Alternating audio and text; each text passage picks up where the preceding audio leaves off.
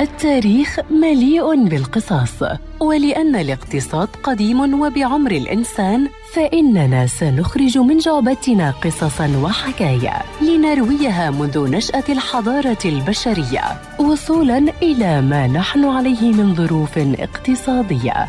في بودكاست تاريخ الاقتصاد مع المدون الاقتصادي مجد النوري عبر إذاعة أجيال ومنصاتها المختلفة.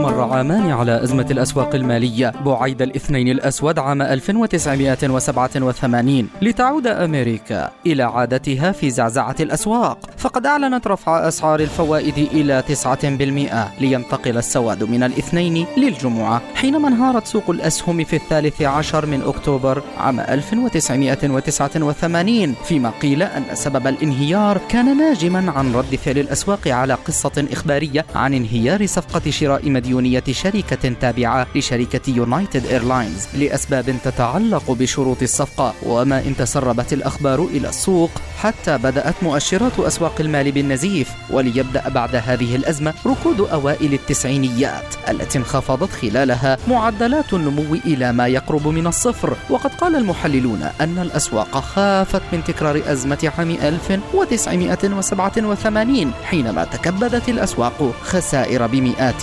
المليارات.